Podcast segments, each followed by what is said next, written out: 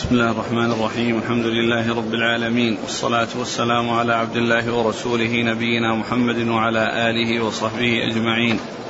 أما بعد فيقول الإمام الحافظ أبو عبد الله بن ماجه القزويني رحمه الله تعالى يقول في سننه باب من صلى لغير القبلة وهو لا يعلم قال حدثنا يحيى بن حكيم قال حدثنا أبو داود قال حدثنا أشعث بن سعيد أبو الربيع السمان عن عاصم بن عبيد الله عن عبد الله بن عامر بن ربيعة عن أبيه رضي الله عنه أنه قال كنا مع رسول الله صلى الله عليه وسلم في سفر فتغيمت السماء وأشكلت علينا القبلة فصلينا وأعلمنا فلما طلعت الشمس إذا نحن قد صلينا لغير القبلة فذكرنا ذلك للنبي صلى الله عليه وسلم فأنزل الله فأينما تولوا فثم وجه الله. بسم الله الرحمن الرحيم الحمد لله رب العالمين وصلى الله وسلم وبارك على عبده ورسوله نبينا محمد وعلى آله وأصحابه أجمعين. أما بعد يقول الإمام ابن ماجه رحمه الله باب من صلى إلى غير القبلة وهو لا يعلم. آه، المقصود من هذه الترجمة أن الإنسان إذا كان في فلات وأشكلت عليه القبلة فإنه يجتهد وإذا تبين أن صلاته إلى غير القبلة فإنه لا يعيد وصلاته صحيحة لأنه اجتهد وأداه اجتهاده إلى أن هذا يفعل فصلاته صحيحة ولا يلزمه الإعادة. أما إذا كان في البلد فليس له أن يجتهد في معرفة القبلة وإنما عليه أن يسأل أهل البلد عن جهة القبلة ويصلي إليها. ولو اجتهد في البلد وصلى فصلاته غير صحيحة لأن اجتهاده في غير محله وإنما الاجتهاد يكون في محله إذا كان في السفر أو كان في فلات من الأرض فإنه إذا اجتهد وصلى إلى غير القبلة وتبين ذلك أنه إلى غير القبلة فإن صلاته آه، صحيحة. وذكر هذا الحديث أن جماعة كانوا في سفر مع النبي عليه الصلاة والسلام وأنهم كانوا في يوم مطير ويوم غائم والشمس محتجبة بالغيم فاجتهدوا لمعرفة القبلة وصلوا وعملوا علامة يعني يعرفون بها اتجاههم في صلاتهم. ولما طلعت الشمس وتفرق الغيم عرفوا أنهم إلى غير القبلة فلم فذكروا ذلك للنبي عليه الصلاة والسلام فأنزل الله ولله المشرق والمغرب فأينما تولوا فثم وجه الله. فهذا يدل على آه، صحة فعلهم وأن اجتهادهم في محله وأنهم آه، سواء أصابوا أو أخطأوا فإن صلاتهم صحيحة. نعم. قال حدثنا يحيى بن حكيم. هو؟ ثقة أبو داود والنسائي بن ماجه. نعم. عن أبي داود. وهو الطيالسي ثقة أخرجه البخاري تعليقا ومسلم وأصحاب السنة. عن أشعث بن سعيد. وهو ضعيف. متروك. متروك أخرج له. الترمذي بن ماجه. نعم. عن عاصم بن عبيد الله. وهو ضعيف أخرج له. البخاري في خلق أفعال العباد وأبو داود والترمذي والنسائي في عام اليوم والليلة وابن ماجه. نعم. عن عبد الله بن عامر بن ربيعة. وهو ولد على عهد النبي صلى الله عليه وسلم أخرج أصحاب الكتب. نعم. عن أبيه رضي الله عنه أخرج له. أصحاب الكتب. نعم. هل يختلف الحكم إذا تبين الصواب في وقت الصلاة أو بعد خروج الوقت؟ لا فرق الحكم واحد. يعني ما دام إنها إنها إنه صلى آه، واجتهد وكان في سفر فسواء علم في الصلاة أو في آه، أو بعد الصلاة. لكنه إن علم في الصلاة فإنه آه، يستدير أو أنه يتجه إلى القبلة. والعمل الذي قد مضى عمله صحيح لأنه في محله لأنه في محله. وأما يعني وكونه خرج الوقت أو ما خرج الوقت هو عمله صحيح. لأنه يعني حتى لو كان بعد الصلاة أو كان علم بعد مدة فإن صلاته صحيحة وإنما إذا كان في نفس البلد وتبين أنه آه، يعني اجتهد واجتهاده في غير محله فإنه يعيد الصلاة سواء في الوقت أو بعد الوقت. إن كانت في الوقت فهي أداء وإن كانت بعد الوقت فهي قضاء. وصلاته الأولى غير صحيحة لأنه صلى إلى غير القبلة في مكان لا يصلح أن يجتهد فيه نعم. قال قال رحمه الله تعالى باب المصلي والحديث في إسناده رجلان ضعيفان ولكن يعني له شواهد يعني له ما يشهد له فيكون بذلك حسنا ثابتا عن رسول الله صلى الله عليه وسلم باب المصلي يتنخم. قال حدثنا أبو بكر بن أبي شيبة قال حدثنا وكيع عن سفيان عن منصور عن ربعي بن حراش عن طارق بن عبد الله المحاربي رضي الله عنه أنه قال قال النبي صلى الله عليه وسلم إذا صليت فلا تبزقن بين يديك ولا عن يمينك ولكن ابزق عن يسارك أو تحت قدمك. ثم ذكر باب المصلي يتنخم. نعم. باب المصلي يتنخم يعني يستخرج النخامة يعني من فمه كيف يصنع. فهو يعني له أن آه، يخرجها عن يساره ولا يخرجها أمامه أو يخرجها في ثوبه أو في منديل يكون معه. فإنه في هذه الحالة آه، يكون فعل الشيء الذي ينبغي. ولكنه لا يبصق أمامه. وهذا في جميع الأحوال يعني حتى في, في, في غير الصلاة الإنسان لا يبصق أمامه ولا يبصق عن يمينه وإنما يبصق عن يساره. يبصق عن يساره فلا يبصق أمامه ولا عن يمينه لا في الصلاة ولا في غيرها. لا في الصلاة ولا في غيرها. وقد سبق أن, مر في المساجد يعني الأحاديث أو جملة من الأحاديث في في هذا الباب وأتى بها هنا من أجل ال ال ال القبلة والصلاة والتنخر في الصلاة وأنه يفعل هذا الفعل الذي هو إخراج النخامة في ثوبه أو في منديل يكون معه أو يكون عن يساره. ومن المعلوم أن الإنسان إذا كان في المسجد فلا يصلح أنه يخرج فيه شيء من الأذى وإنما يخرجه في ثوبه. وإذا كان في فلاة من الأرض وهو يصلي فله أن يفعل هذا الفعل. وأما بالنسبة للمساجد فليس الإنسان أن يخرج النخامة فيها. نعم. قال حدثنا أبو بكر بن أبي شيبة. ثقة أخرج أصحاب الكتب إلى الترمذي. عن وكيع. وكيع بن الجراح ثقة أخرج أصحاب الكتب. عن سفيان. هو الثوري ثقة أخرج أصحاب الكتب. عن منصور. ابن المعتمر ثقة أخرج أصحاب الكتب. عن ربعي بن حراش. وهو ثقة أخرج أصحاب الكتب. عن طارق بن عبد الله. أخرج له. وخالف خلق أفعال العباد وأصحاب السنن. نعم. قال حدثنا أبو بكر بن أبي شيبة. قال حدثنا إسماعيل بن علية عن القاسم بن, مه بن مهران عن أبي رافع عن أبي هريرة رضي الله عنه أن رسول الله صلى الله عليه وسلم رأى نخامة في قبلة المسجد فأقبل على الناس فقال ما بال أحدكم يقوم مستقبله يعني ربه فيتنخع أمامه؟ أيحب أحدكم أن يستقبل فيتنخع في وجهه؟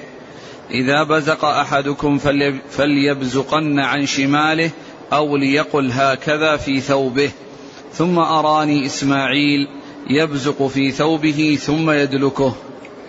ثم ذكر هذا الحديث عن أبي هريرة أن النبي صلى الله عليه وسلم رأى نخاعة ونخامة في قبلة المسجد فتكلم وقال ما بال آه، أحدكم يفعل كذا وكذا فإن الله تعالى يكون قبل وجهه فلا يبصق أمامه وإنما يفعل يعني هكذا وأشار إلى أنه آه، آه، آه،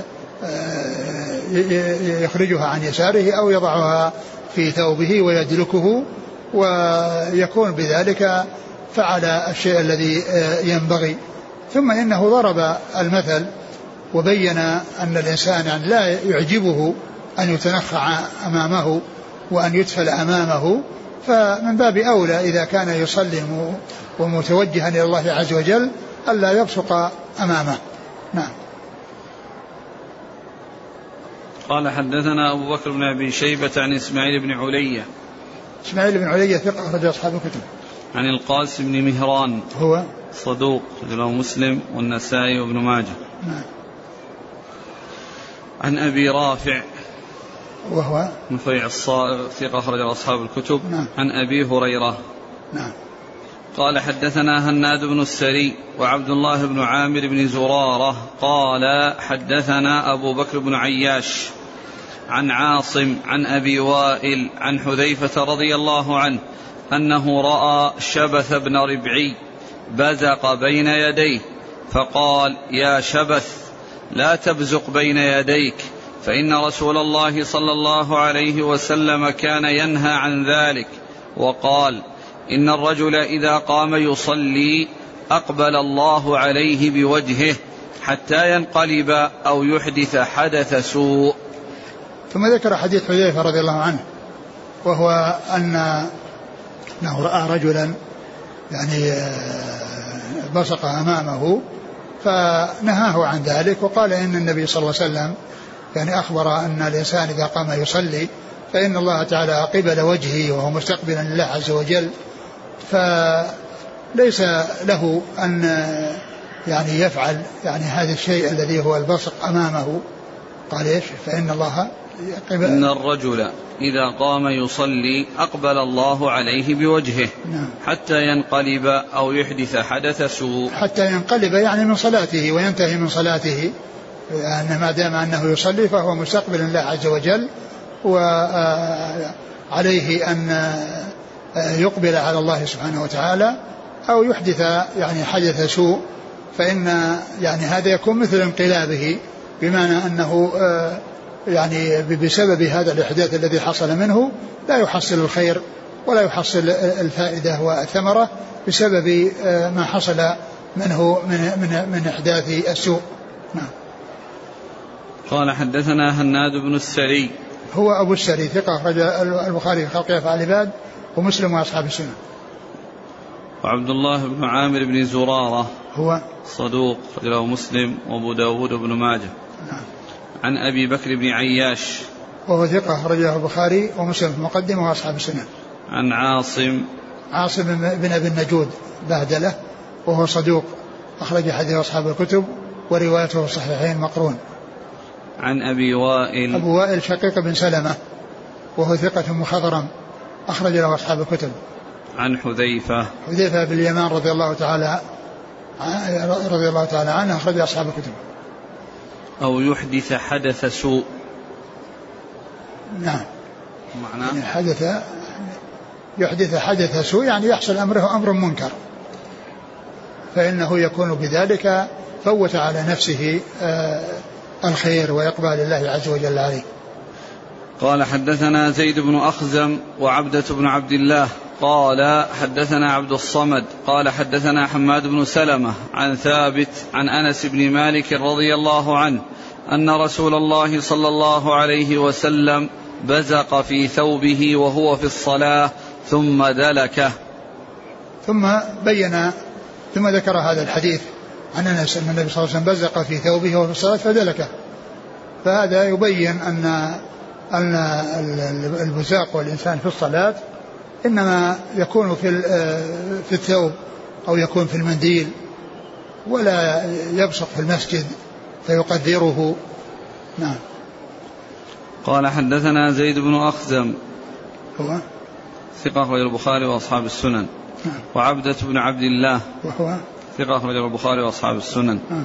عن عبد الصمد وهو صدوق أخرج له. أصحاب الكتب. نعم. عن حماد بن سلمة. ثقة أخرجه البخاري تعليقا ومسلم وأصحاب السنة. عن ثابت. ثابت بن أسلم البناني ثقة أخرج أصحاب الكتب. عن أنس بن مالك. نعم. هل كذلك إذا بزق وهو في الصلاة يميل رأسه أو وجهه عن جهة القبلة؟ لا ما يميل. يعني ما يلتفت ولكنه يعني وهو إلى جهة القبلة. يعني يميله قليلا بحيث لا ينصرف عن القبلة قال رحمه الله تعالى باب مسح الحصى في الصلاة. قال حدثنا أبو بكر بن أبي شيبة. قال حدثنا أبو معاوية عن الأعمش عن أبي صالح عن أبي هريرة رضي الله عنه أنه قال قال رسول الله صلى الله عليه وعلى آله وسلم من مس الحصى فقد لغى. ثم ذكر مسح الحصى. يعني في الإنسان والإنسان يصلي لا يمسح الحصى. ولكنه إذا احتاج إلى ذلك بأن كانت الأرض التي يصلي فيها فيها يعني آه، نتوء وفيها يعني آه، شيء مرتفع وشيء طامن ويعني فأراد أن يسوي الأرض فيكون مرة واحدة. يكون مرة واحدة إما قبل أن يدخل في الصلاة أو يكون عندما يسجد أول سجدة. لكنه لا يفعل ذلك آه، ويكرره لأن المقصود هو عند الحاجة تسوية الأرض. إذا كان فيها نتوء ارتفاعا وانخفاض. فيسويها أول مرة مرة واحدة ولا يعود لذلك. وقد جاءت السنة بذلك عن رسول الله صلى الله عليه وسلم. وبدون حاجة إلى المسح لا لا تسوى. إذا كانت الأرض مستوية ما تحتاج إلى أن تسوى وإنما تسوى إذا كان هناك أمر يقتضيه. ثم ذكر هذا الحديث الذي يقول فيه النبي صلى الله عليه وسلم ومن مس الحصى فقد لغى وهذا جاء في الجمعة. ولكنه المصنف أورده هنا من أجل أنه إذا كان الإنسان في حال الخطبة منع من كونه يعني يمسح الحصى أو يمس الحصى وأنه يأثم بذلك فإنه كذلك من باب أولى في الصلاة. من باب أولى في الصلاة فإنه ليس له أن أن يمس يمسح الحصى. كما أنه لا يفعله في حال الخطبة وهي وهي دون الصلاة فإذا الصلاة من باب أولى أنه لا يفعله فيها. وهذا وجه إرادة المصنف. الحديث هنا مع أن الحديث يتعلق بالخطبة ويتعلق بالجمعة وأن الإنسان لا يمسح الحصى ولا يعبث والخطيب يخطب وإنما يقبل على الخطيب ويستمع لخطبته ولا يتشاغل عنها أي شاغل ولا يكلم أحدا ولا يتكلم معه أحد فهو مثل الصلاة. ولكن إذا كان هذا وهو في حال الخطبة قد جاء فإذا الصلاة من باب أولى. نعم. قال حدثنا أبو بكر بن أبي شيبة عن أبي معاوية. محمد بن خازم الضرير ثقة أخرج أصحاب الكتب. عن الأعمش. سليمان بن مهران ثقة أخرج أصحاب الكتب. عن أبي صالح. وهو ذكوان السمان ثقة أخرج أصحاب الكتب. عن أبي هريرة. نعم. قال حدثنا محمد بن الصباح وعبد الرحمن بن إبراهيم. قال حدثنا الوليد بن مسلم. قال حدثنا الأوزاعي. قال حدثني يحيى بن أبي كثير. قال حدثني أبو سلمة قال حدثني معيقيب رضي الله عنه أنه قال قال رسول الله صلى الله عليه وعلى آله وسلم في مسح الحصى في الصلاة إن كنت فاعلا فمرة واحدة. ثم ذكر حديث معيقيب رضي الله عنه أن النبي صلى الله عليه وسلم قال في مسح الحصى في الصلاة إن كنت فاعلا فمرة واحدة. يعني إن كان هناك حاجة فمرة واحدة.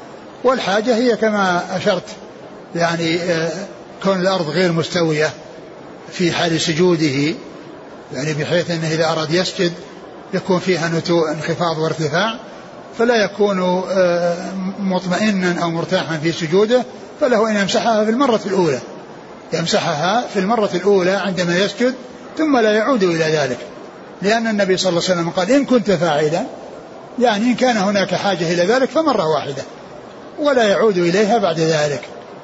والحديث هذا الحديث متفق عليه أخرجه البخاري ومسلم فدل هذا على جوازه لمرة واحدة عند الحاجة.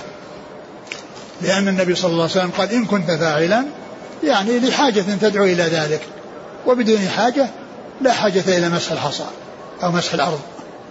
نعم. قال حدثنا محمد بن الصباح هو صدوق أخرج له. أبو داود بن ماجه. نعم. عبد الرحمن بن إبراهيم. وهو ثقة أخرج له البخاري و أبو داود والنسائي بن ماجه. نعم. عن الوليد بن مسلم. وهو ثقة أخرج أصحاب الكتب. عن الأوزاعي. الأوزاعي عبد الرحمن بن عمرو الأوزاعي ثقة أخرج أصحاب الكتب. عن يحيى بن أبي كثير. وهو ثقة أخرج أصحاب الكتب. عن أبي سلمة. أبو سلمة بن عبد الرحمن بن عوف ثقة أخرج أصحاب الكتب. عن معيقيب. وعقيب رضي الله عنه أخرج أصحاب الكتب. هذه فائدة ذكر الحافظ في الفتح تحت حديث معيقيب قال التقييد بالحصى والتراب خرج للغالب لكونه كان الموجود في فرش المساجد إذ ذاك فلا يدل تعليق الحكم به على نفيه عن غيره مما يصلى عليه من الرمل والقذى وغير ذلك. نعم. يعني ان الذكر يعني ليس للحصر وإنما هو لكونه الذي آه، يحصل للناس والذي هو أمام الناس في ذلك الوقت. فيعني لا يختص بالحصى نعم. قال حدثنا هشام بن عمار ومحمد بن الصباح قال حتى لو كانوا في البر أو في مكان في البر وصلوا في مكان بالبر هو مثل مثل المسجد الذي يعني فرش بالحصبة فإنه إذا احتاج إلى أن يسوي الأرض من أجل يعني يطمئن في سجوده بحيث لا يكون هناك تميل أو يميل يعني بسبب انخفاض في الأرض وارتفاع في الأرض بسبب الحصى أو التراب فيسويها سواء كان في الفلاة أو كان في مسجد مفروش بالحصباء نعم. قال حدثنا هشام بن عمار ومحمد بن الصباح قال حدثنا سفيان بن عيينة عن الزهري عن أبي الأحوص الليثي عن أبي ذر رضي الله عنه أنه قال قال رسول الله صلى الله عليه وسلم إذا قام أحدكم إلى الصلاة فإن الرحمة تواجهه فلا يمسح بالحصى. ثم ذكر هذا الحديث النبي صلى الله عليه وسلم قال إذا كان قام أحدكم إلى الصلاة فإنه لا يمسح الحصى فإن الرحمة تواجهه يعني تقابله فلا يمسحه. وهذا الحديث يعارض ما جاء في حديث معيقيب من أن, أن الإنسان عند الحاجة يفعل لأنه قال إن كنت فاعلا فمرة واحدة. فالنهي يعني فيه يعني ليس على إطلاقه وإنما يعني مقيد فيما إذا كان هناك حاجة ويكون مرة واحدة. والحديث فيه ضعف لأن فيه هذا الليثي الذي هو أبو أبو الأحوص. أبو الأحوص الليثي فإن فيه ضعفا. نعم. قال حدثنا هشام بن عمار. صدوق رجل البخاري وأصحاب السنة. ومحمد بن الصباح عن سفيان بن عيينة. ثقة أخرج أصحاب الكتب. عن الزهري. الزهري محمد بن مسلم بن عبد الله ثقة أخرج أصحاب الكتب. عن أبي الأحوص الليثي. وهو؟ مقبول نعم. أصحاب السنن. نعم. عن أبي ذر. أبو ذر جندب بن جنادة رضي الله عنه أخرج له أصحاب الكتب. قال رحمه الله تعالى باب الصلاة على الخمرة. قال حدثنا أبو بكر بن أبي شيبة قال حدثنا عباد بن العوام عن الشيباني عن عبد الله بن شداد قال حدثتني ميمونة رضي الله عنها زوج النبي صلى الله عليه وسلم أنها قالت كان رسول الله صلى الله عليه وسلم يصلي على الخمرة. ثم قال باب الصلاة على الخمرة يعني على شيء يكون بينه وبين الأرض. يعني سواء متخذ من سعف النخل أو متخذ من أي نبات أو متخذ من القماش. كل ذلك يعني يعتبر ساترا لما بينه أو حائلا بين بينه وبين الأرض. فإن ذلك لا بأس به وقد جاءت بذلك السنة عن رسول الله صلى الله عليه وسلم. وسواء كان ذلك على مقدار سجوده أو مقدار آه، جسمه كله يعني بحيث يقف عليه ويسجد عليه فكل ذلك صحيح سواء كان على مقدار وجهه أو كان على مقدار جسمه كله إذا سجد من قدمه إلى رأسه كل ذلك لا بأس به.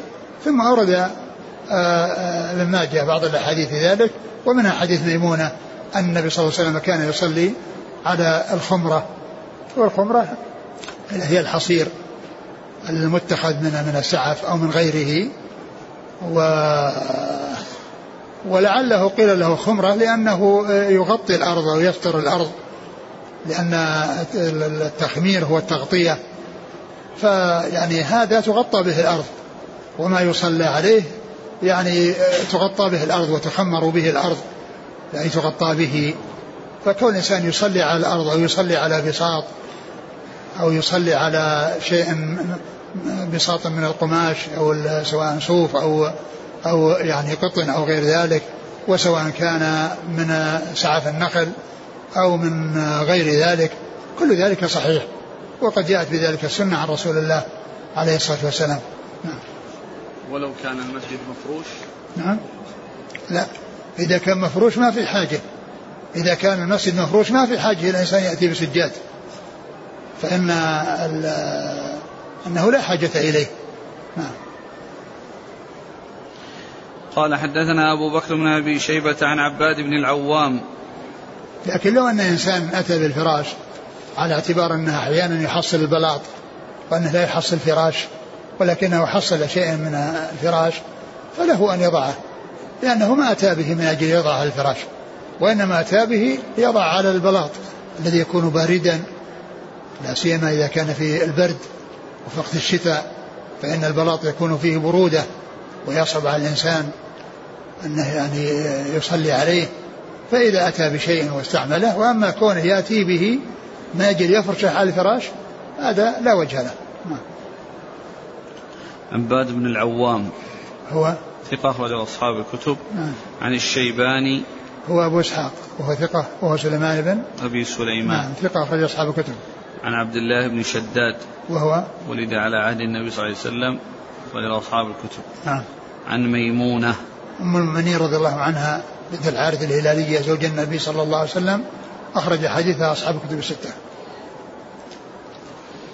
قال حدثنا أبو كريب قال حدثنا أبو معاوية عن الأعمش عن أبي سفيان عن جابر رضي الله عنه عن أبي سعيد رضي الله عنه أنه قال صلى رسول الله صلى الله عليه وسلم على حصير. ثم ذكر هذا الحديث صلى النبي صلى الله عليه وسلم على حصير. والحصير كما عرفنا يكون من السعاف أو يكون يعني من شيء من النبات. ف يعني هو مثل الذي قبله في حديث ميمونة يعني مثل قوله صلى على الخمرة. إلا أن الخمرة يعني معناها أوسع من الحصير لأن الحصير في الغالب أنه يكون إذا كان من السعف. وأما الخمرة فهي معناها عام وتكون من السعف وغيره. نعم. قال حدثنا أبو كريب. محمد بن العلاء بن كريب ثقة أخرج أصحاب الكتب. عن أبي معاوية عن الأعمش عن أبي سفيان. أبو سفيان طلحة بن نافع صدوق أخرج أصحاب الكتب. عن جابر. جابر بن عبد الله رضي الله عنهما أخرج أصحاب الكتب. عن أبي سعيد. أبو سعيد سعد بن مالك بن سنان الخدري رضي الله عنه أخرج له أصحاب الكتب. وكل من جابر وأبي سعيد من من السبعة الذين عرفوا بكثرة الحديث عن النبي صلى الله عليه وسلم. وهم أبو هريرة وجابر وأبو سعيد وأنس و آه، وأم المؤمنين عائشة وابن عمر وابن عباس. يعني ابن عباس وابن عمر وأبو سعيد وأنس وجابر وأم المؤمنين عائشة ستة رجال وامرأة واحدة. قال حدثنا حرملة بن يحيى عن عبد الله بن وهب عن قال حدثني زمعة بن صالح عن عمرو بن دينار أنه قال صلى صلى ابن عباس رضي الله عنهما وهو بالبصرة على بساطه ثم حدث أصحابه أن رسول الله صلى الله عليه وسلم كان يصلي على بساطه. ثم ذكر يعني هذا الحديث أنه صلى أن ابن عباس صلى على بساطه وقال إن النبي صلى الله عليه وسلم صلى على بساطه. يعني معناها أن الإنسان آه، له أن يصلي على شيء يحول بينه وبين الأرض. يعني من بساط أو حصير أو خمرة أو أي شيء. فله أن يجعل شيئا يحول بينه وبين الأرض يصلي عليه. نعم. قال حدثنا حرملة بن يحيى. هو التجيبي وهو؟ صدوق أخرج له مسلم والنسائي وابن ماجه. نعم. عن عبد الله بن وهب. وهو ثقة أخرج أصحاب الكتب. عن زمعة بن صالح. وهو ضعيف نعم. وله مسلم.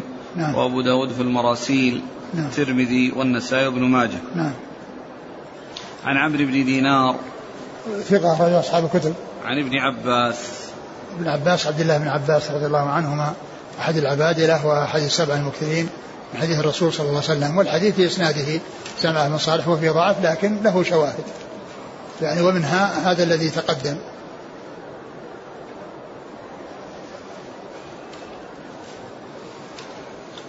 يقول إذا كان الإنسان يتأذى من الرسومات والزخارف الموجودة على فرش المسجد فهل له أن يأتي بسجادة يضعها؟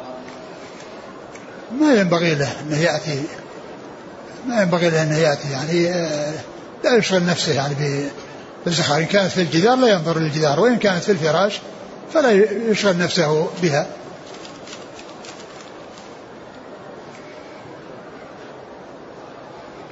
لو وضع أحد السجادة فوق فرش المسجد هل يقال عن هذا العمل بدعة؟ والله ما ما أعلم وجه آه، لذلك. ما أعلم وجه. هل يمكن أن يقال إن الصلاة على الأرض بدون حائل أفضل وأدعى للخشوع؟ الأمر في ذلك واسع. الرسول صلى الله عليه وسلم فعل هذا وهذا. قال رحمه الله تعالى باب السجود على الثياب في الحر والبرد. قال حدثنا أبو بكر بن أبي شيبة قال حدثنا عبد العزيز بن محمد الدراوردي عن إسماعيل بن أبي حبيبة عن عبد الله بن عبد الرحمن. قال جاءنا النبي صلى الله عليه وسلم فصلى بنا في مسجد بني عبد الأشهل فرأيته واضعا يديه على ثوبه إذا سجد.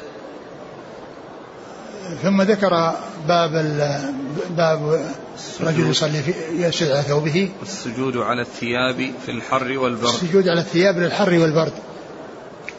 آه المقصود بالثياب الثياب المتصلة. وأما ما كان منفصلا فهو مثل البساط والحصير. يعني كونه يعني يضع ثوب في الأرض مثل الذي يضع له سجادة أو يضع له حصير أو يضع له بساط. ولكن المقصود يعني في الثوب الذي آه الذي يلبسه يعني لا سيما كانت الثياب يعني قطعة من القماش يلتف بها. فإذا كان الأرض حارة في وقت الصيف أو في أو باردة في وقت البرد فإنه يضع هذا الطرف من ثوبه فيسجد عليه. يضع هذا الطرف من ثوبه حتى يسجد عليه. ف عند الحاجة لا بأس بذلك. والمقصود به المتصل كما عرفنا وليس المنفصل لأن المنفصل هو مثل السجادة ومثل الحصير. فجاءت الأحاديث بذلك عن رسول الله صلى الله عليه وسلم يعني من قوله وفعله. وذكر هذا الحديث أن النبي صلى الله عليه وسلم صلى بهم في مسجد بني عبد الأشهل فكان يضع ويقول فرأيته واضعا يديه على ثوبه إذا سجد. نعم واضعا يديه على ثوبه إذا سجد. نعم. يعني الثوب الذي هو قطعة من القماش يلتحف بها. لأن هذا قال الثوب وهذا ليس والقميص ليس مثله. لأن القميص ما في شيء يعني آه، يبسطه يعني أمامه يسجد عليه. وإنما الذي يلتحف به ويبقى منه يعني شيء يعني فإنه يضع طرفه ويسجد عليه نعم. قال حدثنا أبو بكر بن أبي شيبة نعم. عن عبد العزيز بن محمد الدراوردي صدوق خرج أصحاب الكتب. عن إسماعيل بن أبي حبيبة وهو؟ فيه ضعف. نعم. رجل ابن ماجه. نعم. عن عبد الله بن عبد الرحمن نعم وهو؟ مقبول. نعم. رجل ابن ماجه. نعم. قال جاءنا النبي صلى الله عليه وسلم. نعم. هذا فيه انقطاع لكن سيأتي بعد ذلك اللي فيه الاتصال. ومع ذلك فيه ضعف ولكنه يعني فيه ما يشهد له يعني من ما بعده. نعم قال حدثنا جعفر بن مسافر قال حدثنا إسماعيل بن أبي أويس قال أخبرني إبراهيم بن إسماعيل الأشهلي عن عبد الله بن عبد الرحمن بن ثابت بن الصامت عن أبيه عن جده رضي الله عنه أن رسول الله صلى الله عليه وسلم صلى في بني عبد الأشهل وعليه كساء متلفف به يضع يديه عليه يقيه برد الحصى.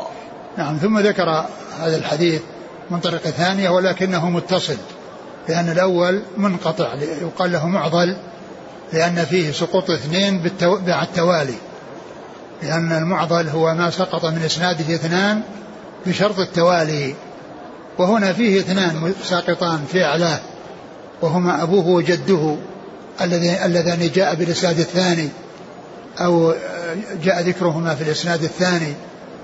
فالإسناد الأول يقال له معضل والمعضل هو ما سقط من إسناده اثنان فأكثر بشرط التوالي بأن يكونوا متواليين ليسوا متفرقين من خلال الإسناد. هذا يقال له معضل وهو منقطع من أنواع المنقطع.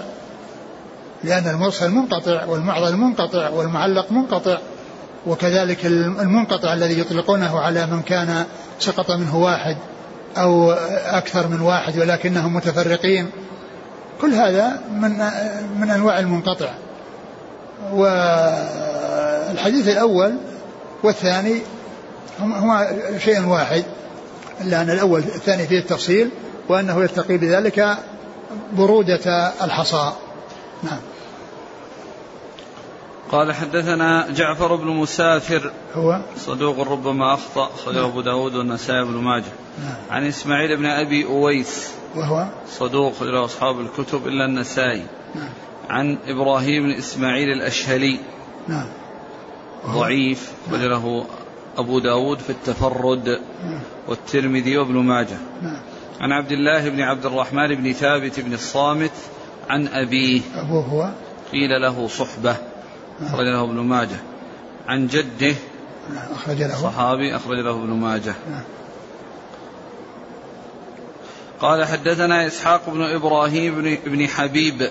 قال حدثنا بشر بن المفضل عن غالب القطان عن بكر بن عبد الله عن أنس بن مالك رضي الله عنه أنه قال كنا نصلي مع النبي صلى الله عليه وسلم في شدة الحر فإذا لم يقدر أحدنا أن يمكن جبهته بسط ثوبه فسجد عليه. وهذا حديث أنس رضي الله عنه أنهم كانوا يفعلون في زمن النبي صلى الله عليه وسلم أن الواحد منهم إذا كان لا يستطيع أن يمكن جبهة من الأرض بسبب الحر فإنه يبسط آه، ثوبه أو بعض ثوبه فيسجد عليه.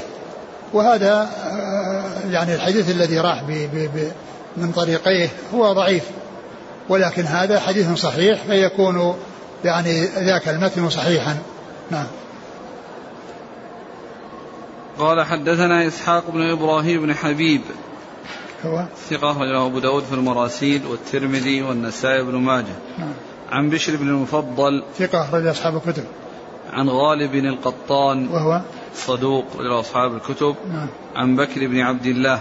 المزني رضي الله عنه رحمه الله أخرج أصحاب الكتب. عن أنس بن مالك. نعم. بكر بن عبد الله المزني ذكر الحافظ في ترجمته في تهذيب التهذيب أنه كان يقول إياك من العمل ما إن أصبت فيه لم تؤجر وإن أخطأت أثمت. وهو سوء ظنك بأخيك. وهو سوء ظنك بأخيك. لأنك إن أصبت ما تحصل أجر وإن أخطأت أثمت. فأنت غير مستفيد. أنت دائر بين الضرر أو عدم الاستفادة على الأقل. نعم. وهذا اللي يسمونه غيبة القلب. لأن سوء الظن هو غيبة القلب. لأن الغيبة تكون باللسان وتكون بالقلب. الغيبة باللسان الكلام بالغير بما يسوءه وسوء الظن هو غيبة القلب وهو أن يظن سوءا. نعم. قال رحمه الله تعالى باب التسبيح للرجال في الصلاة والتصفيق للنساء. قال حدثنا أبو بكر بن أبي شيبة وهشام بن عمار.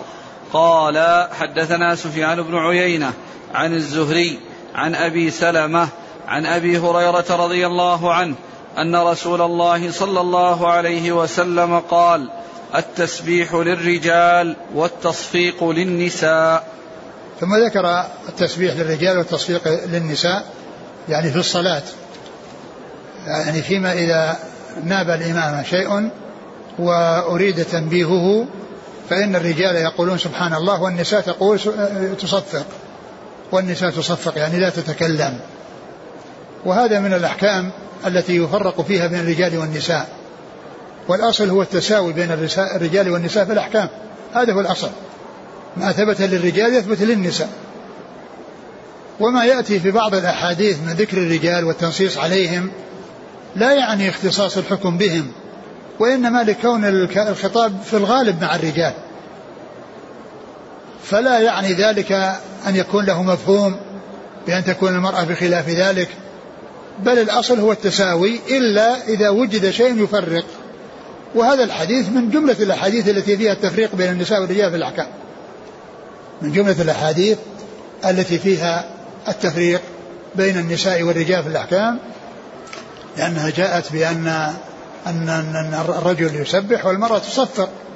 وقد سبق أن مر بنا الحديث فيما يتعلق ببول الغلام بول الجارية والتفريق بينهم وأنه يرش وينضح من بول الغلام ويغسل من بول الجارية. فإذا الأصل هو التساوي بين الرجال والنساء في الأحكام إلا إذا وجد مثل هذا الحديث. وكما قلت آه، ما جاء من ذكر الرجال والتنصيص عليهم في بعض الأحاديث لا يعني آه، أن الحكم يخص الرجال. مثل الحديث لا تتقدم رمضان بيوم أو يومين إلا رجل كان يصوم صوم فليصوم. فكلمة الرجل لا مفهوم لها بمعنى أن المرأة ليست كذلك. بل المرأة مثل مثل الرجل في هذا. المرأة التي تصوم صوما مثل تصوم الاثنين والخميس وصادف أو وافق يوم الخميس أو الاثنين يوم ثلاثين فإن الرجل يصوم والمرأة تصوم. ولكن ذكر الرجل ونص على الرجل لأن الغالب أن الكلام مع الرجال. مثل حديث من وجد متاعه عند رجل قد أفلس. فهو حق فيه من الغرماء. مثل ذلك المرأة. ما وجد متاعه عند امرأة قد أفلست. فهو حق بها من الغرماء. نعم. قال حدثنا أبو بكر بن أبي شيبة وهشام بن عمار عن سفيان بن عيينة عن الزهري عن أبي سلمة عن أبي هريرة. نعم. قال حدثنا هشام بن عمار وسهل بن أبي سهل. قال حدثنا سفيان بن عيينة عن أبي حازم عن سهل بن سعد الساعدي رضي الله عنه أن رسول الله صلى الله عليه وسلم قال التسبيح للرجال والتصفيق للنساء. وهذا مثل وهذا مثل آه، الحديث السابق. هذا عن سهل بن سعد وهو مثل الذي قبله. التصفيق للرجال التسبيح للرجال والتصفيق للنساء. يعني فيما إذا ناب الإمام شيء واحتيج إلى تنبيهه فإن الرجال يسبحون والنساء تصفق نعم. قال حدثنا هشام بن عمار وسهل بن أبي سهل. سهل بن أبي سهل هو؟ صدوق ابن ماجه. نعم. عن سفيان بن عيينة عن أبي حازم. أبو حازم هو؟ سلمة بن دينار. نعم. أصحاب الكتب. عن سهل بن سعد الساعدي. رضي الله عنه أخرج أصحاب الكتب. قال حدثنا سويد بن سعيد قال حدثنا يحيى بن سليم عن إسماعيل بن أمية وعبيد الله عن نافع أنه كان يقول قال ابن عمر رضي الله عنهما رخص رسول الله صلى الله عليه وسلم للنساء في التصفيق وللرجال في التسبيح. ثم ذكر حديث ابن عمر وهو مثل الأحاديث السابقة. قال حدثنا سويد بن سعيد هو؟ صدوق له مسلم وابن ماجه. نعم. عن يحيى بن سليم. وهو طائفي وهو؟ نعم. صدوق نعم سيء الحفظ. نعم. وله أصحاب الكتب. نعم. عن إسماعيل بن أمية. وهو؟ ثقة أصحاب الكتب. وعبيد الله. عبيد الله العمري عبيد الله بن عمر العمري المصغر ثقة أخرج أصحاب الكتب. عن نافع. نافع مولى بن عمر ثقة أخرج أصحاب الكتب. عن ابن عمر. يسأل يقول البعض هل المراد بصفة بالتصفيق؟ يعني ضرب الكفين أو كما يذكرون له طريقة أخرى. وله كما تقول التصفيق ضرب يد بيد. لكن كيفيته؟ يعني هل هو على ظهرها أو على باطنها؟ ما أعلم من شيء. يعني ما أعلم شيء في تحديد في تحديد الكيفية. والتصفيق معلوم أنه ضرب يد بيد. ولهذا يقولون العوام اليد الواحدة ما تصفق. لأن التصفيق باليدين اليد الواحدة ما تصفق. يقول هل أمر النساء بالتصفيق في الصلاة يدل على أن التصفيق في الأصل مباح للرجال والنساء؟ لأن بعض الناس يقول ليس هناك دليل في تحريم التصفيق للرجال خارج الصلاة. فما صحة هذا الكلام؟ ما نعلم ما نعلم يعني شيء لأن أولا التصفيق يعني آه آه هذا الذي يفعل يعني أو يفعل آه، بعض يفعله بعض الناس عندما يستحسنون شيء يصفقون أو عندما يأتي ذكر شخص يعني يصفقون هذا ما نعلم يعني شيء يدل عليه. الشيء الذي يعجب أو عندما يحصل شيء يعجب كانوا يكبرون. يعني هذا هو الذي جاءت به السنة. عن عن الصحابة رضي الله عنهم وأرضاهم أن أنهم كانوا إذا حصل شيء يسر سبحوا كبروا. يعني الحديث الذي فيه قال يا رجل أن تكون نصف أهل الجنة قالوا قلنا الله أكبر. يعني فرحا وسرورا. وكذلك عمر رضي الله عنه لما لما آه، بلغه أن الرسول صلى الله عليه وسلم طلق نساءه وكان هذه إشاعة ليست بصحيحة وكان يعني في العوالي فنزل وجاء وسأل عن النبي صلى الله عليه وسلم ووجد في مشربة يعني في مكان اعتزل فيه نساءه فجاء ودخل عليه وقال يا رسول الله هل طلقت نساءك؟ فقال عليه الصلاة والسلام قال لا. قال فكبر فقلت الله أكبر. يعني هذه السنة. ما جاء أن أنهم عند الفرح يصفقون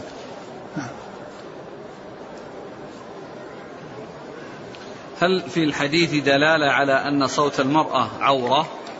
أه، صوت المرأة إذا كان فيه فتنة لا شك أنه عورة.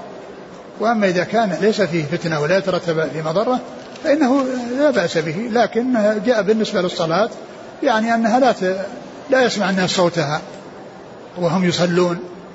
يعني لأنهم في الصلاة فقد يحصل افتتان يعني بأصوات النساء وهم في الصلاة.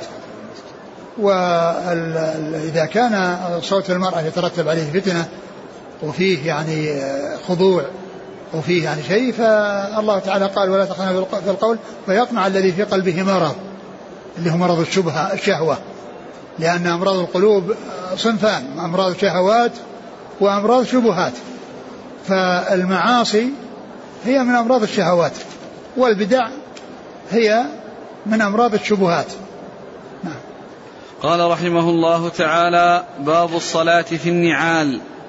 قال حدثنا أبو بكر بن أبي قال حدثنا أبو بكر بن أبي شيبة قال حدثنا غندر عن شعبة عن النعمان بن سالم عن ابن أبي أوس قال كان جدي أوس رضي الله عنه أحيانا يصلي فيشير إلي وهو في الصلاة فأعطيه نعليه ويقول رأيت رسول الله صلى الله عليه وسلم يصلي في نعليه. ثم ثم ذكر باب صلاة في النعال يعني أنها سائغة وأن الإنسان له أن يصلي في نعليه لا سيما إذا كان في مكان يعني لا يحصل فيه شيء من التضرر يعني كأن يكون مثلا المكان المسجد مفروش يعني فلا يصلي عليه في النعال لأنه يظهر الوسخ. يعني ينتقل من النعال إلى إلى إلى, إلى الفراش. كما أن الناس يعني في الغالب يعني ما يدخلون في منازلهم المفروشة يدخلونها بالنعال وإنما يجعلونها خارج المكان المفروش فكذلك المساجد. لكن إذا كان المكان الأرض آه، ترابي أو أو كان في فلات أو كان في بر. فإنه يصلي في نعله له أن يصلي في نعله وله أن يصلي بدون النعال. الحاصل أن الصلاة في النعال جاءت بها السنة عن رسول الله صلى الله عليه وسلم وأن الإنسان له أن يصلي في نعليه وله ألا يصلي لكن إذا كانت صلاته في النعلين يترتب عليها مضرة من ناحية توسيخ أو تقدير فإنها فإنها لا تفعل. نعم. والحديث؟ يقول كان جدي أوس أحيانا يصلي فيشير إلي وهو في الصلاة فأعطيه نعليه. يعني كان جدي أوس يعني يقول يعني ابن أبي أوس. ابن أبي ابن أبي أوس يقول يعني كان جدي أوس يشير إليه في الصلاة فيحضره نعليه. يعني فهذا دل على أن الإنسان إذا أشار في الصلاة لأمر أو أنه عمل يعني شيئا أو آه، أحضر له شيء واستعمله فإن ذلك لا يؤثر. وهذا من جنس يعني فتح الباب يعني آه، كون يفتح الباب وهو يصلي و يعني وغير ذلك من الأشياء التي جاءت فيها السنة عن رسول الله صلى الله عليه وسلم. نعم. قال حدثنا أبو بكر بن أبي شيبة عن غندر. غندر محمد بن جعفر ثقة أخرج أصحاب الكتب. عن شعبة شعبة بن الحجاج ثقة أخرج أصحاب الكتب. عن النعمان بن أبي سالم وهو؟ عن النعمان بن سالم. وهو؟ ثقة أخرجه مسلم وأصحاب السنن. نعم. عن ابن أبي أوس. وهو؟ لم يحكم عليه. أخرج له النسائي وابن ماجه. يعني وش اسمه ما ما سماه ابن أبي أوس. بس ابن أبي أوس. يقول هنا يقال اسمه عبد الرحمن ويقال هو ابن عمرو بن أوس. روى عنه النعمان بن سالم. ولم يحكم عليه. عن لكن لكن الحديث اللي بعده هي بمعنى. نعم. عن جده نعم أخرج له. أوس بن أبي أوس الثقفي أخرج له أبو داود والنسائي بن ماجه. نعم. قال حدثنا بشر بن هلال الصواف. قال حدثنا يزيد بن زريع عن حسين المعلم عن عمرو بن شعيب عن أبيه عن جده رضي الله عنه أنه قال رأيت رسول الله صلى الله عليه وسلم يصلي حافيا ومنتعلا. ثم ذكر حديث ابن عمر حديث ابن عمر عبد الله بن عمرو بن العاص رضي الله عنهما أنه رأى النبي صلى الله عليه وسلم يصلي حافيا ومنتعلا يعني معناه يصلي في الحالتين يصلي بالنعال ويصلي بعدم بغير النعال. والغالب هو الصلاة بغير النعال. الغالب هو الصلاة بغير النعال. فهنا يقول رأيته يفعل هذا وهذا. فيعني فدل هذا على أن آه، كل من الاثنين جاءت به السنة عن رسول الله صلى الله عليه وسلم. نعم. قال حدثنا بشر بن هلال الصواف. هو ثقة أخرج له. مسلم وأصحاب السنن. نعم. عن يزيد بن زريع. ثقة أخرج أصحاب الكتب. عن حسين المعلم. حسين بن ذكوان المعلم ثقة أخرج أصحاب الكتب. عن عمرو بن شعيب. وهو صدوق أخرجه البخاري في جزء القراءة وأصحاب السنن. عن أبيه وأبوه آه، صدوق أخرجه البخاري في الأدب المفرد وجزء القراءة وأصحاب السنن. عن جده. وجده عبد الله بن عمرو بن العاص رضي الله عنهما أحد العبادلة الأربعة من الصحابة وأخرج حديثه أصحاب الكتب الستة. قال حدثنا علي بن محمد قال حدثنا يحيى بن آدم قال حدثنا زهير عن أبي إسحاق عن علقمة عن عبد الله رضي الله عنه أنه قال لقد رأينا رسول الله صلى الله عليه وسلم يصلي في النعلين والخفين. ثم ذكر حديث مسعود وأن النبي صلى الله عليه وسلم كان يصلي بالنعلين والخفين. وهذا مثل الذي قبله لأن فيه زيادة الخفين. نعم. قال حدثنا علي بن محمد. هو الطنافسي ثقة أخرجه النسائي في في مسند علي وابن ماجه. عن يحيى بن آدم. وهو ثقة أخرج أصحاب الكتب. عن زهير. وهو ابن معاوية وهو ثقة أخرج أصحاب الكتب. نعم. عن أبي إسحاق. وهو عمرو بن عبد الله الهمداني ثقة لأصحاب الكتب. عن علقمة. علقمة بن قيس النخعي. نعم هو ثقة لأصحاب الكتب. عن عبد الله. عبد الله بن مسعود الهذلي رضي الله عنه أخرج له أصحاب الكتب. قال رحمه الله تعالى باب كف الشعر والثوب في الصلاة. والله تعالى أعلم وصلى الله وسلم وبارك على عبده ورسوله نبينا محمد وعلى آله وأصحابه أجمعين.